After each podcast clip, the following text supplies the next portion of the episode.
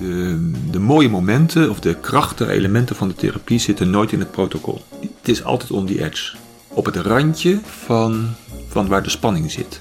Daar vindt de interventie plaats die ertoe doet.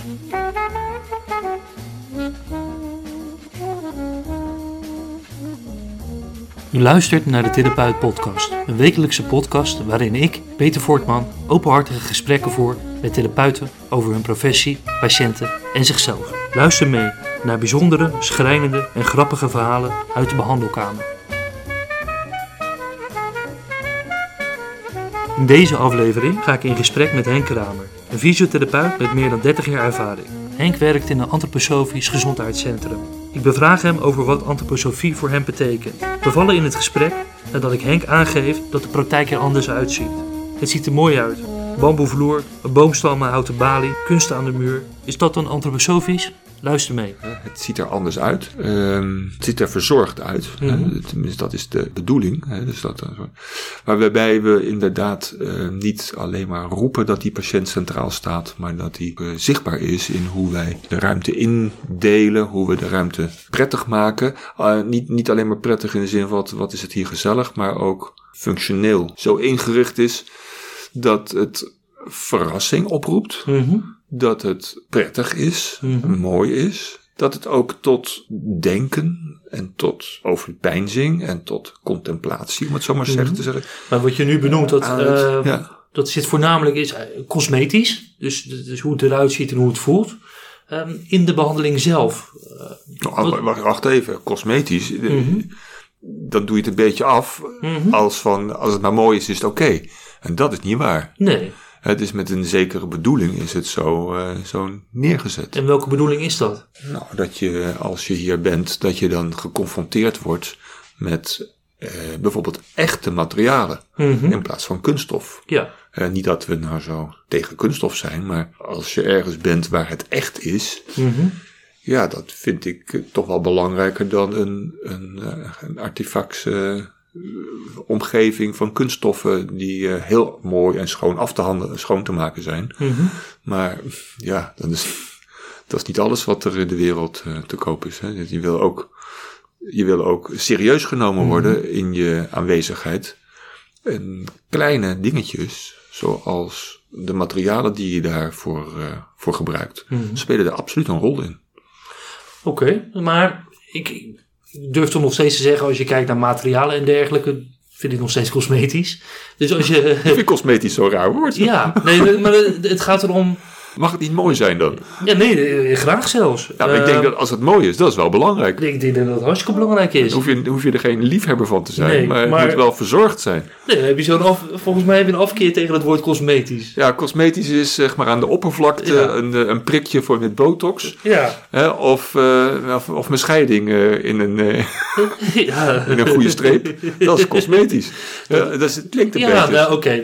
Ja, het is het buiten, buitenwereld is dat. En dat bedoel nou- ik nou net niet. Het moet, Hmm. het moet je raken. Het moet je iets nou, doen. Ja, ik, oké. Het moet van Nou, binnen, ik- het ik moet van binnen iets in beweging Je moet brengen. van binnen iets van in beweging zetten, maar dat doe je met een.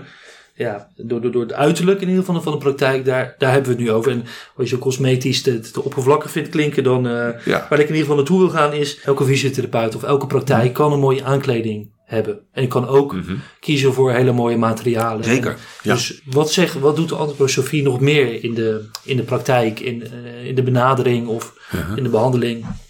Ik ga toch nog even door. Want, want ik vind het, ik vind, eh, we hebben namelijk heel erg veel energie en tijd en, en, eh, besteed aan de inrichting. Ja. We hebben ook eh, Boris Seizer als, als architect gevraagd Mhm. om, om hier eh, zeg maar die inrichting te organiseren, inclusief de kunst die we hebben opgehangen.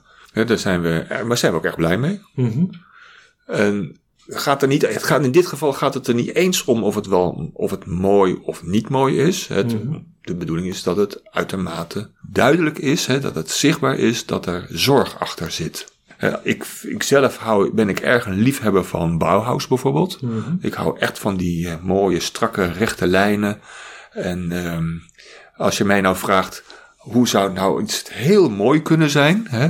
Dan zou ik misschien wel voor een Bauhaus-achtige inrichting kiezen. En toch past dat niet in het Nee, gezondheidscentrum. dat- omdat daar daar lijkt hele het ook an- niet op. Nee, daar lijkt het ook niet op. Nee. En daar, Ja. maar omdat we daar hele andere ehm, doelstellingen achter de inrichting hebben. Wil je daarmee zeggen dat het bijdraagt aan het therapeutische klimaat? Dat is eh, absoluut de bedoeling. Ja, het, is, het is niet zo dat we daar zo doorheen lopen. Zullen we hier een plantje zetten of daar een, een hoekje? Of eh, zullen we essendoornhout gebruiken? Of zullen we zeg maar eh, eh, spaanplaten gebruiken? Hè? Nou, dat, daar hebben we over nagedacht, ja. Ja. Want welk Dus effect dat- heeft de omgeving op, op het therapeutische klimaat? Nou, daarin, daarin zie je iets bovendrijven wat die antroposofie betreft. Ja. Daar wordt namelijk een beetje daar wordt over nagedacht. Mhm. Eh, daar is een visie op wat je doet. En niet zeg maar alleen maar de, de, de wensen of de verlangens van God, dat is fijn of leuk of mooi. Hè? Dat, is, dat is eigenlijk onvoldoende om iets van een duurzame kwaliteit neer te zetten. Daar, moet nog iets, daar mag nog iets meer bij zijn. Dat is typerend voor een antroposofische kijk op zeg maar, gezondheid, Mhm. maar ook op de inrichting van het, van het, van het huis. Ja, dus het is niet van vinden we dit mooi, nou dan doen we dat. Nee, het is ook van we vinden, we het, eh, vinden we dit passend, zeg maar, in wat wij hier aan het doen zijn. En dat is zorg verlenen. En als je naar je eigen behandelkamer kijkt, waar heb je dan, over, waar heb je dan zoal over nagedacht? Nou, waar ik over nagedacht heb, is in ieder geval een, een tweedeling in de kamer. Ik heb een duidelijk stuk wat afgescheiden is van het eerste stuk, door twee kastjes die eh, daar staan. Ik heb eh, een aantal kunstwerken ophangen, opgehangen die ik zelf leuk vind, maar ook wel een verhaal hebben. Je weet dat ik een dol ben van verhalen. Ja. Eh, er is, ehm, er is eh, verschillende kwaliteiten zijn er in de, in de ruimte. Mhm. Waar ik probeer in ieder geval de vier kwaliteiten in de ruimte probeer ik terug te laten komen. Welke vier? Dat is dat het eh, groen is, hè, dus dat er groen is, dat er vuur, water, aarde en lucht, dat die kwaliteiten ergens in het huis, even in de, in de ruimte terug te vinden zijn. En Waar, waar de, blijkt vuur uit? Ja, dat vuur is altijd een beetje lastig, want, Ja. want, want je, zou, je zou een kaarsje op kunnen steken, Ja. maar dat doe ik dan toch weer niet. de brandweer niet zo leuk. nee, nee, precies. Eh, maar eh, zeg maar vurige elementen, die, Mhm. die, die kun je op ook andere manieren doen. Eh, die andere elementen die, die gaan beter, ja, dat klopt. Ja, ja.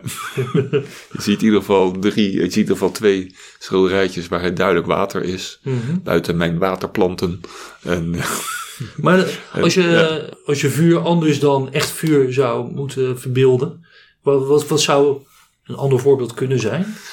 Nou, wat, wat ik wel aan vuur heb, om, overigens, dat is mijn, eh, mijn geode. Hè, dat is een, eh, een steen die diep uit de vulkanen komt. En, eh, en als een vurige bal uiteindelijk op de Mont Bar in Frankrijk terecht kwam. En die heb ik daar gevonden. Je ziet nog het, het lava aan de, aan de buitenkant van die steen. En eh, hij is eh, ook gevuld van, eh, van metalen. Hè? Eh, ja, dus dat is je vuurelement. dat eh, is het tamelijk vuurelement, ja. En aarde?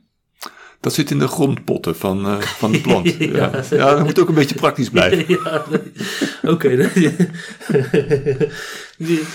maar, ehm, maar is dat dan, als je erover nadenkt, van nou, dan moet ik kunnen afvinken? Of zit er iets in die verhouding of die elementen waar... Nou, afvinken vind ik. Vind ik de, de bedoeling is dat je je sanang, je je prettig voelt. En dat, dat er een, een vorm van evenwicht in die ruimte is. Dat is van belang. Ja, Je krijgt hier, ik weet niet hoeveel mensen van verschillende achtergronden, verschillende situaties.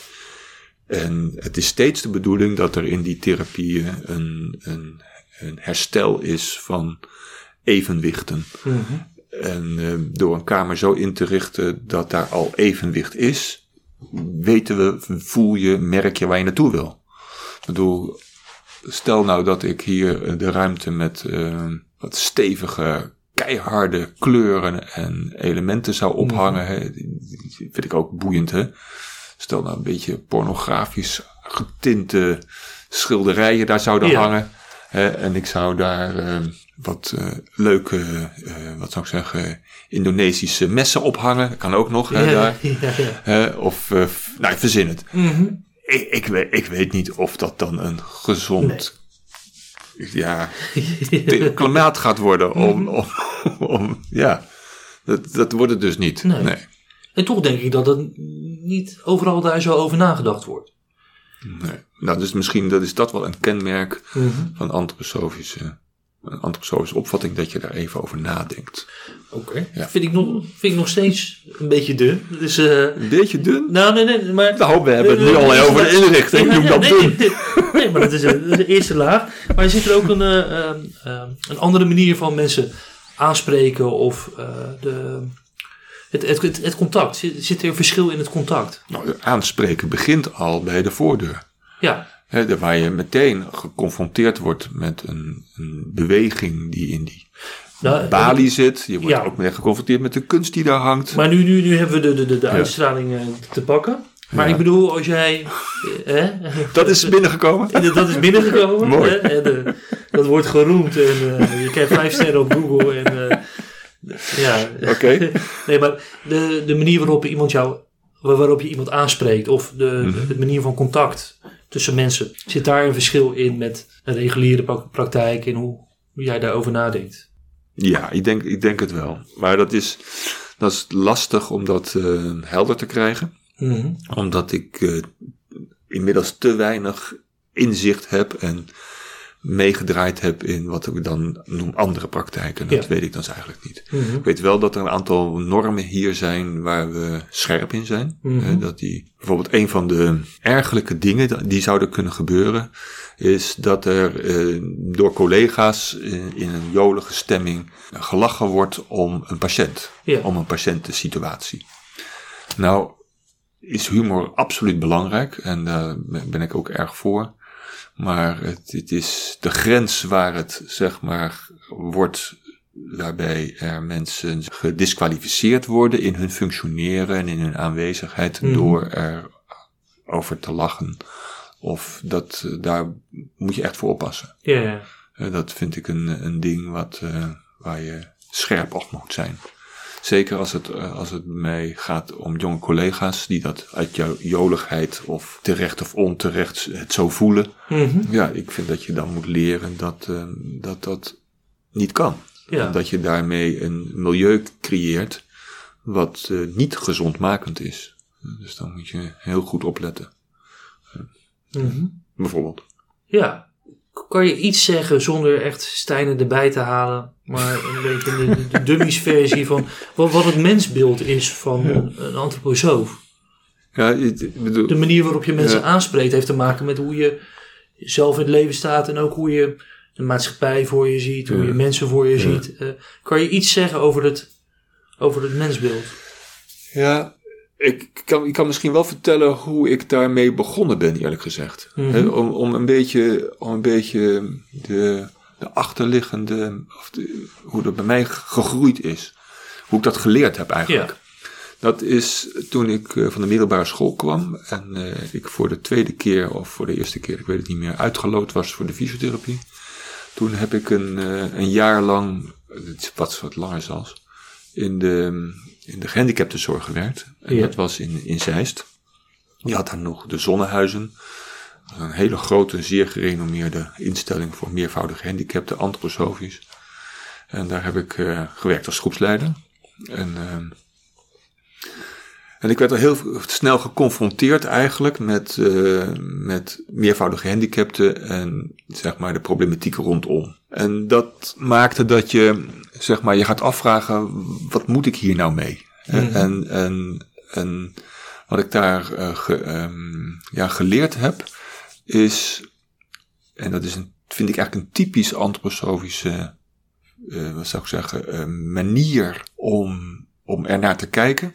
Dus wat ik daar geleerd heb, is die, dat die patiënt of die, die, die gehandicapte die daar dan is, hè, meervoudig, hè, dus niet sprekend vaak of een, een, slecht functionerend, rolstoelafhankelijk of ga zo maar door. Hè, dus tamelijk ernstig Ja. dat je daar respect voor kunt hebben of mag hebben. En dat werd versterkt, zeg maar, door de gedachte dat mensen niet voor niks zo zijn.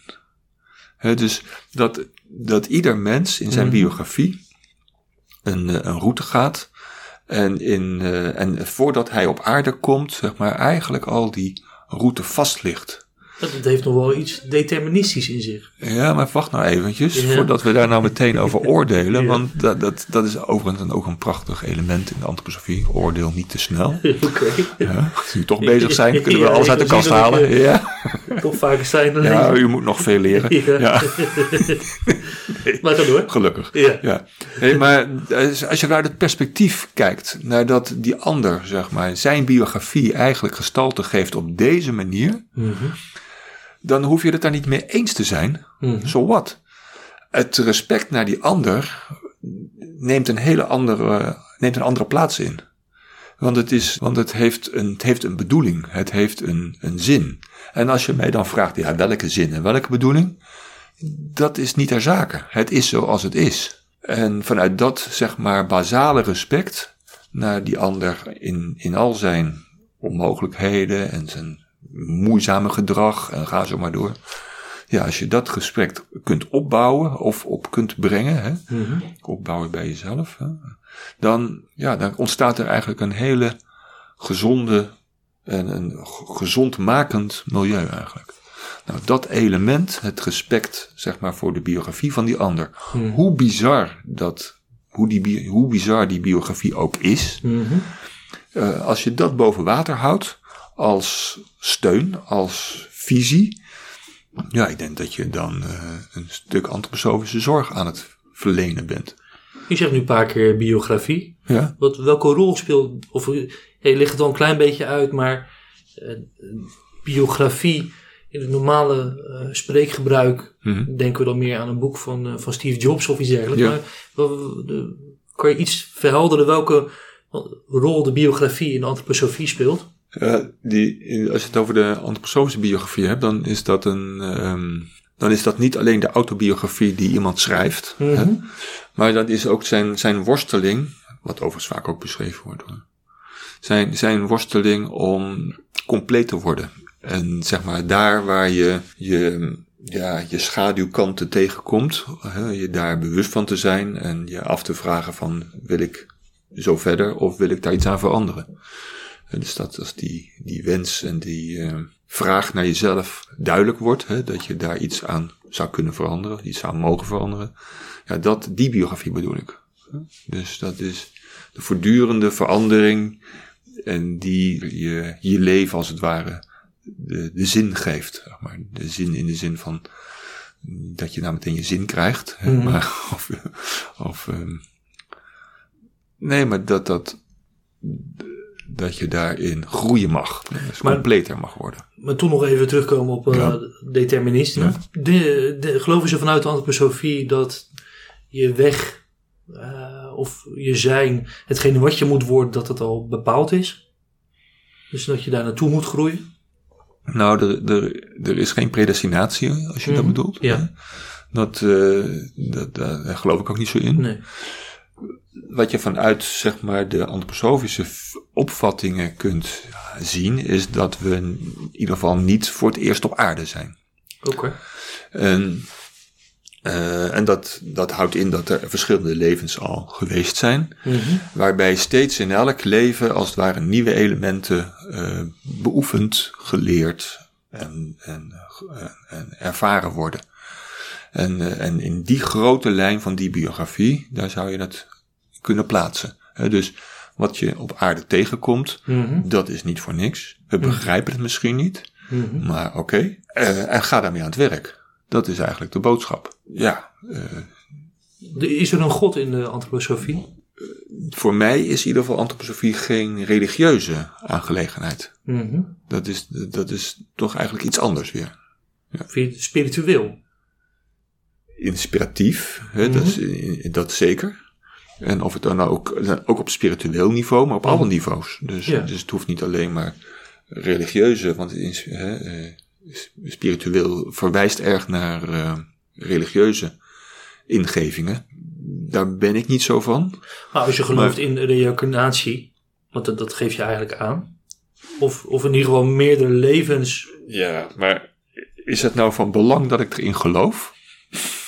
Weet ik geloof niet dat dat. Ik geloof hè, niet dat dat nou zo interessant is. Mhm. Dat ik dat als een geloof ga neerzetten. Nee, nee, nee. Nee, maar... ehm, Hou het nou voorlopig even als een werkwijze. ja, ja. Mm, Wat, Mhm. eh, misschien gewoon daar de vraag bij. ja, ja. Hè? Stel nou dat. Ja. Hè? Nou, en, en is dat niet genoeg om zeg maar ja, aan het werk te kunnen? ja, ja. Waar, waarom moet het meteen dichtgetimmerd worden? Nee, oké. Nee, dat is op zich... Want ik eh, weet dat gewoon niet. Nee, nee, nee. nee. Dat wou ik zo houden. ja. oké, dus er zit geen metafysisch eh, stelsel achter. Van, eh, het is meer een aanname. Van, Het is een, het is een prettige aanname. Ja. Het is een beetje zoals. In de zin zoals. wat is dat? De wet of de leer van Pascal. Dat, je weet niet of het zo is. Maar daarom kan je er beter in geloven voor het geval dat het wel zo is. Dat heb jij aangenomen. Ja, Nou, ja, ja, ja, ja, ik, hoor, ik hoor ook al een ander verhaal. Zo van, nooit gedaan, dus het zal wel lukken. Ja, ja. Nee, maar ja, nou, dat is misschien eh, heel erg mijn, eh, mijn opvatting. ja. Ik bedoel, ja, ik, ik, kan daar, ik kan daarmee uit de voeten. Mhm. En, en ik hoef me niet te conformeren aan allerlei vaste vormen. Hè? Van God wel, God niet. Nou, dat, dat hebben we wel gepasseerd. Ja, er is geen Eh, eh, bijbel voor de, voor de antroposofie.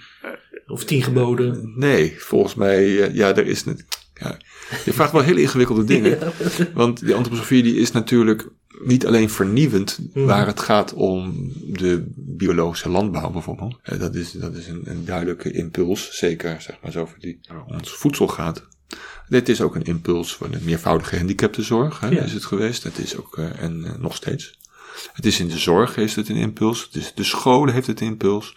Maar ook in het religieuze leven heeft het een impuls. Ook daar zijn, veranderingen in, in, het, in het religieuze leven ingebracht. Duidelijk geïnspireerd op die antroposofie. Daar weet ik niet zoveel van. Mhm. Hè, maar de, dus de, ook daarvan, eh, zeg maar, dat wat religie is, kun je ook vanuit een antroposofisch perspectief beleven en bekijken en bezien. Ja. Mhm. Dus dat kan. Weet ik niet zoveel van. Maar ik vind eh, mijn, mijn rol, mijn biografie is de zorg. En eh, daar gebeurt het voor mij.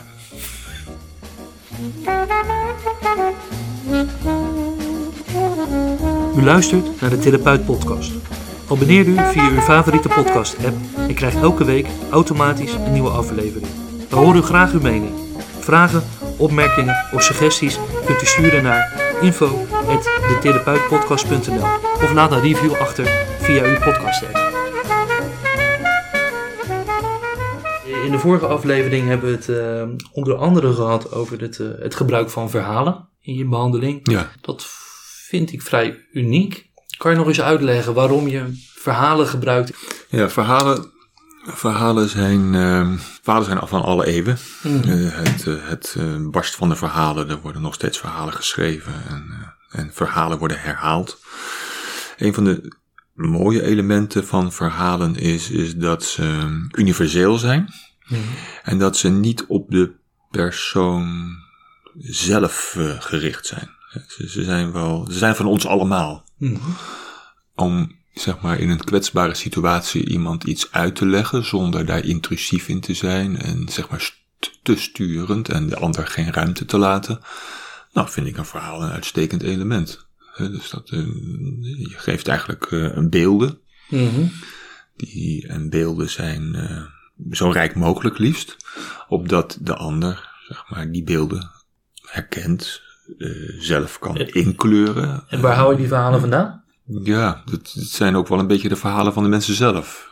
Het is niet, het is niet zo dat ik ze. Ik zit niet thuis eh, een verhaal te schrijven, zo is het Nee. niet. Nee, nee, nee. het, is, het zijn. Heb je zijn een verhalenboek? Of een, eh, nee, ik heb ook geen verhalenboek. Nee. Ja, de, eh, nou ja, er zijn natuurlijk wel een aantal bijzonder inspirerende verhalen. Ja. En, eh, de, Parsifal van. eh, Mhm. Is natuurlijk wel een heel mooi verhaal. mhm.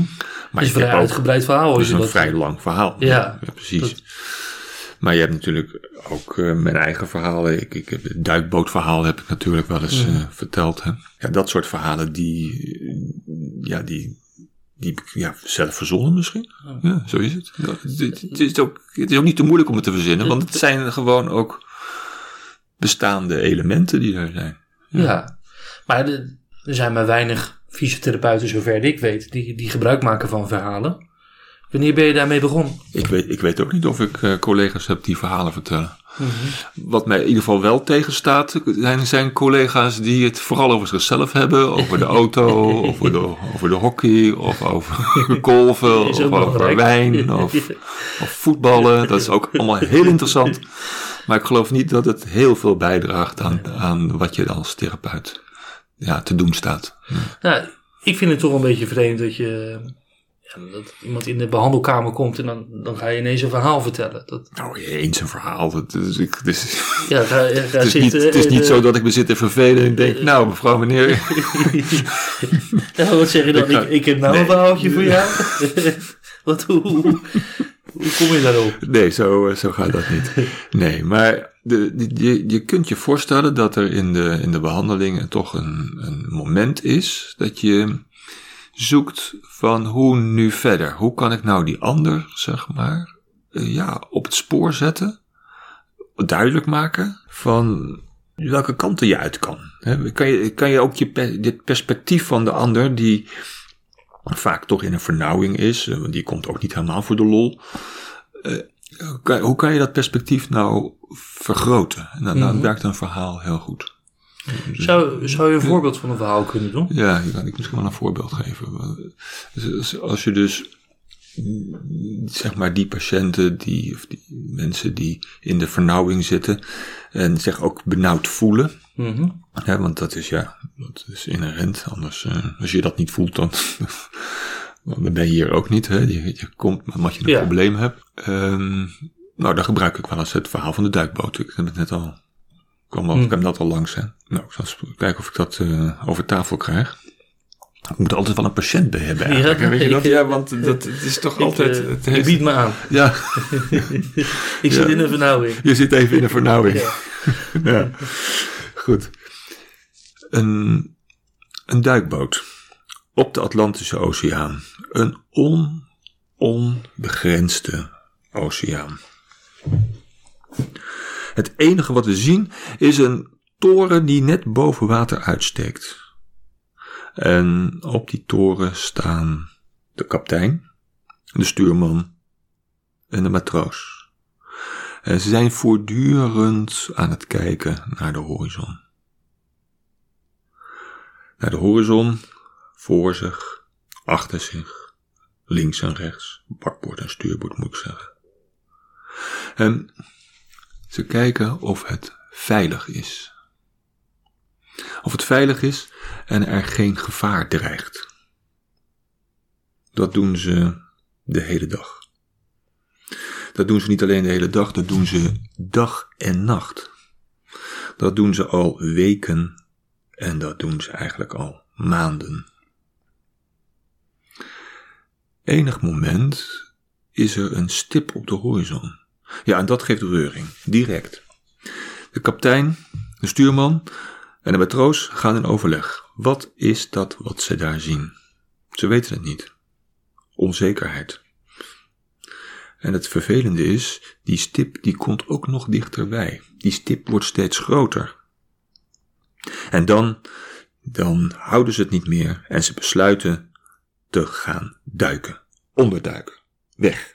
Weg van daar waar ze zo zichtbaar en kwetsbaar zijn. En het eerste wat er gebeurt, is dat ze daar het alarm voor aanzetten. Ah, ah, ah. En wat er gebeurt? Alle mannetjes in de boot die het geluid horen, die gaan meteen aan het werk. Ze rennen door elkaar. Het is chaos. Althans, als je het nooit gezien hebt. Het is chaos. Het is alle taken die ze wisten te moeten doen, gaan ze direct doen. Door elkaar heen, lopend, rennend, vliegend. En het belangrijkste wat er gaat gebeuren, is dat alle deuren in de boot dicht gaan. Grote, zware deuren van wel 8 centimeter dik staal worden dichtgedaan. Met grote hendels en wielen worden ze op slot gezet. Dat is jammer als er soms in een compartiment iemand achterblijft, maar zo is het. En als alle compartimenten dicht zijn, dan gaan de motoren uit. De keuken gaat op slot. En de boot duift in alle stilte onder het wateroppervlak. En dat houden ze heel lang vol. Wat heel moeilijk is, is dat de lucht in die boot steeds smeriger en viezer wordt. Het is niet meer te harde. Het is ook dat het zagerijn en de irritaties tussen de mannetjes steeds beroerder is. Niet alleen de lucht is smerig, maar ze kunnen elkaar ook niet meer luchten of zien. Het is bijna niet meer houdbaar en ze zijn al weken onder water. Op enig moment wordt het zo beroerd en zo slecht dat ze moeten besluiten om inderdaad toch terug te gaan naar de oppervlakte. Het is zo niet meer te doen. En heel langzaam en heel voorzichtig gaat die boot dan inderdaad ook weer naar de oppervlakte. En zodra de toren boven de oppervlakte uitstrijdt, uitkomt, gaat in ieder geval de kapitein naar boven om te kijken of het veilig is. Hij roept al heel snel zijn stuurman erbij en zijn matroos. En met z'n drieën kijken ze voortdurend de horizon af of het inderdaad veilig is. En als ze besloten hebben dat het oké is, ja, dan gaat die boot heel langzaam, voorzichtig omhoog. En zodra die hoog genoeg is, ja, dan gaan de luiken open. Nou, het eerste wat er gebeurt is dat daar een ontzettende vieze zwalm aan smerige lucht uit die buik, uit die duikboot komt. En schone lucht gaat weer naar binnen. En op dat moment kunnen ook de motoren weer aan. En als de motoren aan zijn, kan ook de keuken weer open. Nou, en dan is het milieu in de boot dan al een heel stuk prettiger, een heel stuk leuker.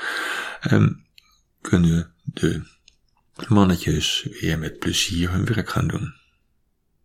Ja, zo vaart die boot uiteindelijk weer het gewone zeemansleven in.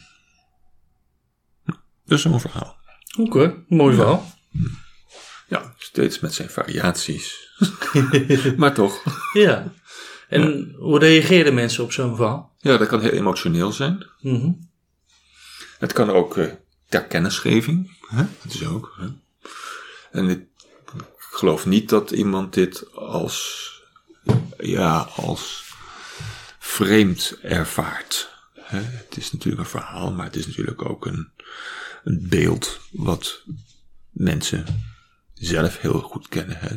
Mijn, mijn opmerking naar de desbetreffende luisteraar is Mhm. dan ook van, nou. En mensen lijken verdomd veel op duikbootjes. Ja. Hè? Dus, dus die, Ik, die, ik wil het die relatie hoef ik niet Ja. te leggen. Die snappen Nee, mensen wel. ik denk dat eh, het verhaal inhoudelijk, eh, dat lijkt mij inderdaad niet moeilijk. Het lijkt me bekend. Het feit dat je een verhaal vertelt, dat vind ik bijzonder. En ik vraag me ook af ehm, dat iemand je een verhaal vertelt op deze manier. Eigenlijk een beetje, Hmm. je zou kunnen zeggen een sprookje. Dat is eigenlijk meer tussen eh, vader en kind. Of moeder en kind. Je creëert daarmee een setting die, eh, die een volwassene in het dagelijks leven in die verhouding niet snel meer ervaart. Is dat een onderdeel van hetgene wat je doet? Ja, ik heb natuurlijk ook eh, in het verleden heel vaak eh, andere technieken gebruikt. Mhm.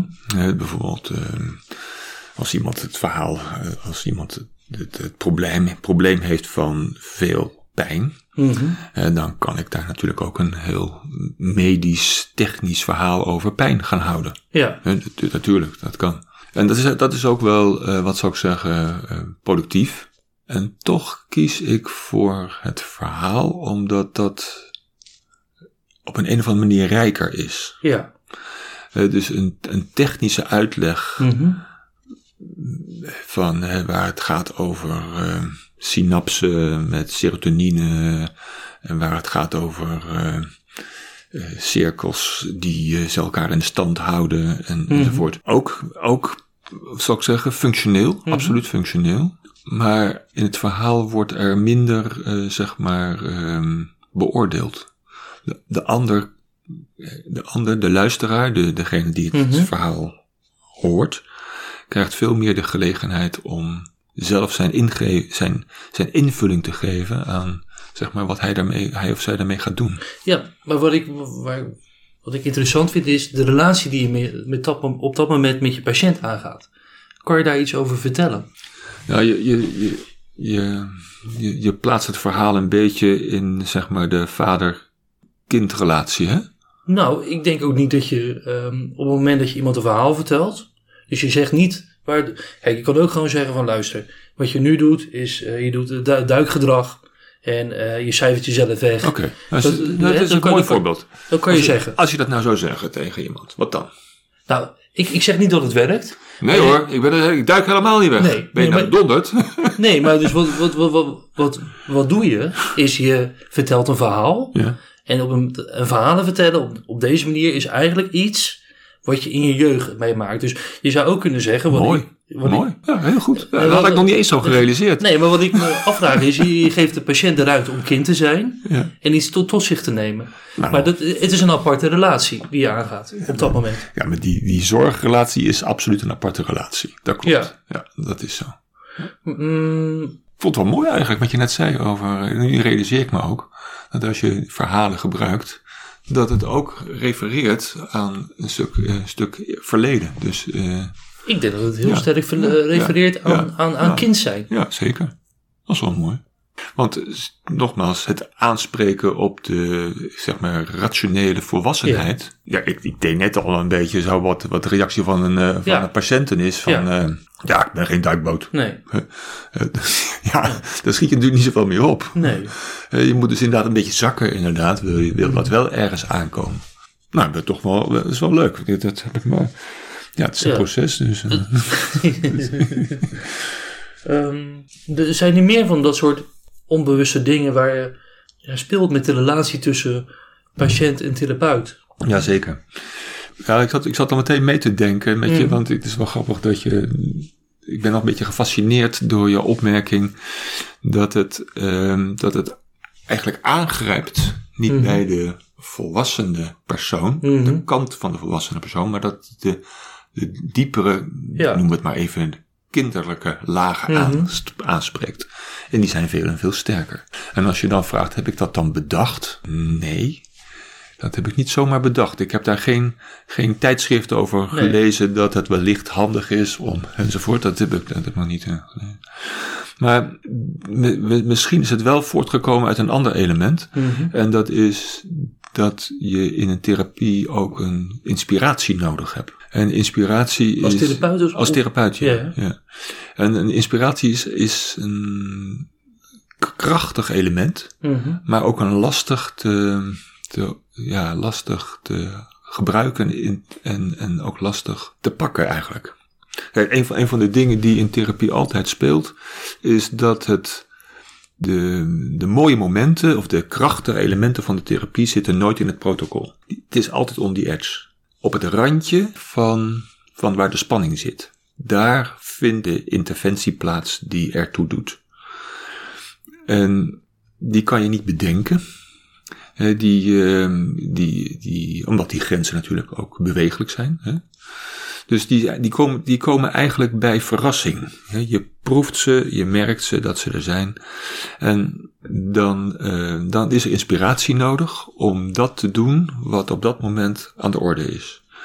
En die inspiratie die vraagt ehm, een zekere moed om dat te doen, omdat het in de regel iets is wat je nog niet gedaan hebt. En iets wat je nog niet gedaan hebt, Mhm. dat is altijd een beetje spannend. Want dat, eh, ja, zou het wel, zou het niet? Is dat handig? Is dat niet handig? Eh, levert het iets op? Enzovoort. Daar heb je duizend vragen bij. Ja. In ieder, ieder geval wel. En die, en die inspiratie, die eh, zet aan tot inderdaad het inbrengen van zo'n verhaal.